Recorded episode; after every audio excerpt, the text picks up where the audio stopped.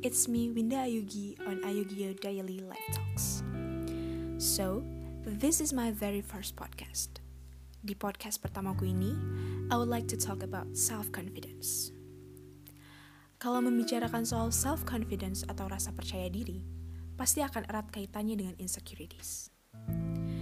Believe it or not, kepercayaan diri adalah sebuah teori yang mudah untuk dikatakan, mudah untuk dimengerti, tapi sangat sulit untuk diimplementasikan.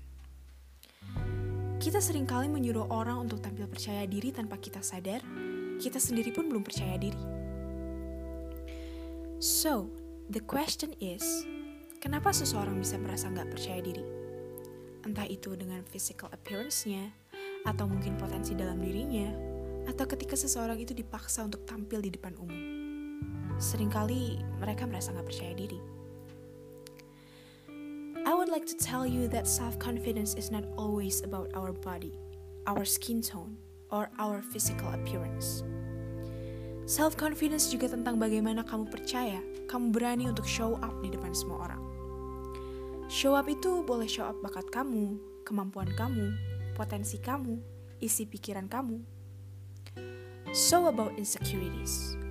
Orang gak selalu merasa insecure karena penampilan fisiknya tapi juga karena hal-hal lain yang dia rasa orang lain punya yang lebih baik ketimbang dirinya. Oke, okay, back to the question. Kenapa seseorang bisa merasa nggak percaya diri? The answer is as simple as that they don't love their self enough.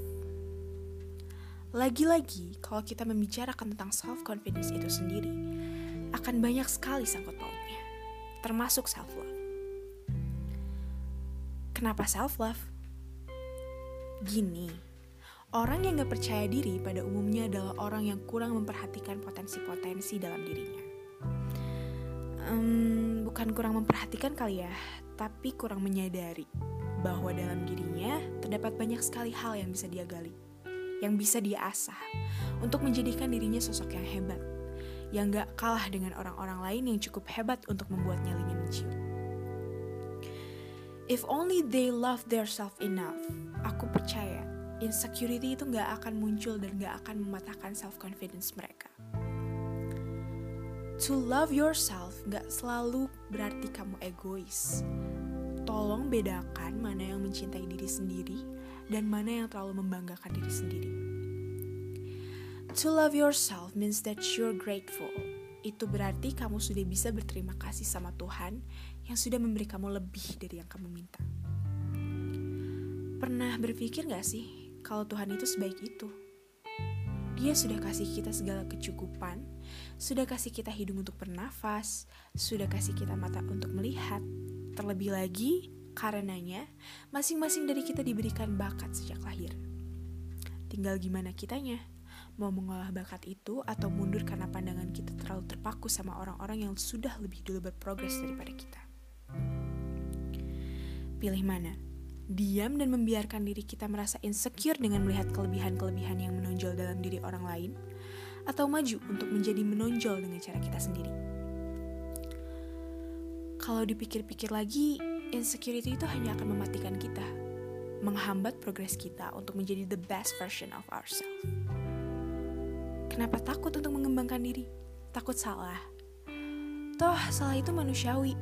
Orang-orang hebat di luar sana juga pernah salah. Tapi mereka nggak pantang menyerah. Mereka mencoba lagi, lagi dan lagi, sampai akhirnya mereka menjadi versi terbaik dari dirinya yang kalian lihat sekarang. Ingat, kita nggak dilahirkan untuk jadi hebat. Kita dilahirkan menjadi bibit-bibitnya. Gak ada yang seinstan itu. Semua perlu berproses.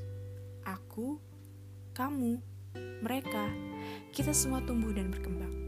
Dan dalam perjalanan tumbuh dan berkembang itu, kita temukan banyak pelajaran untuk akhirnya menjadi hebat. So, apakah masih mau dikalahkan oleh insecurity?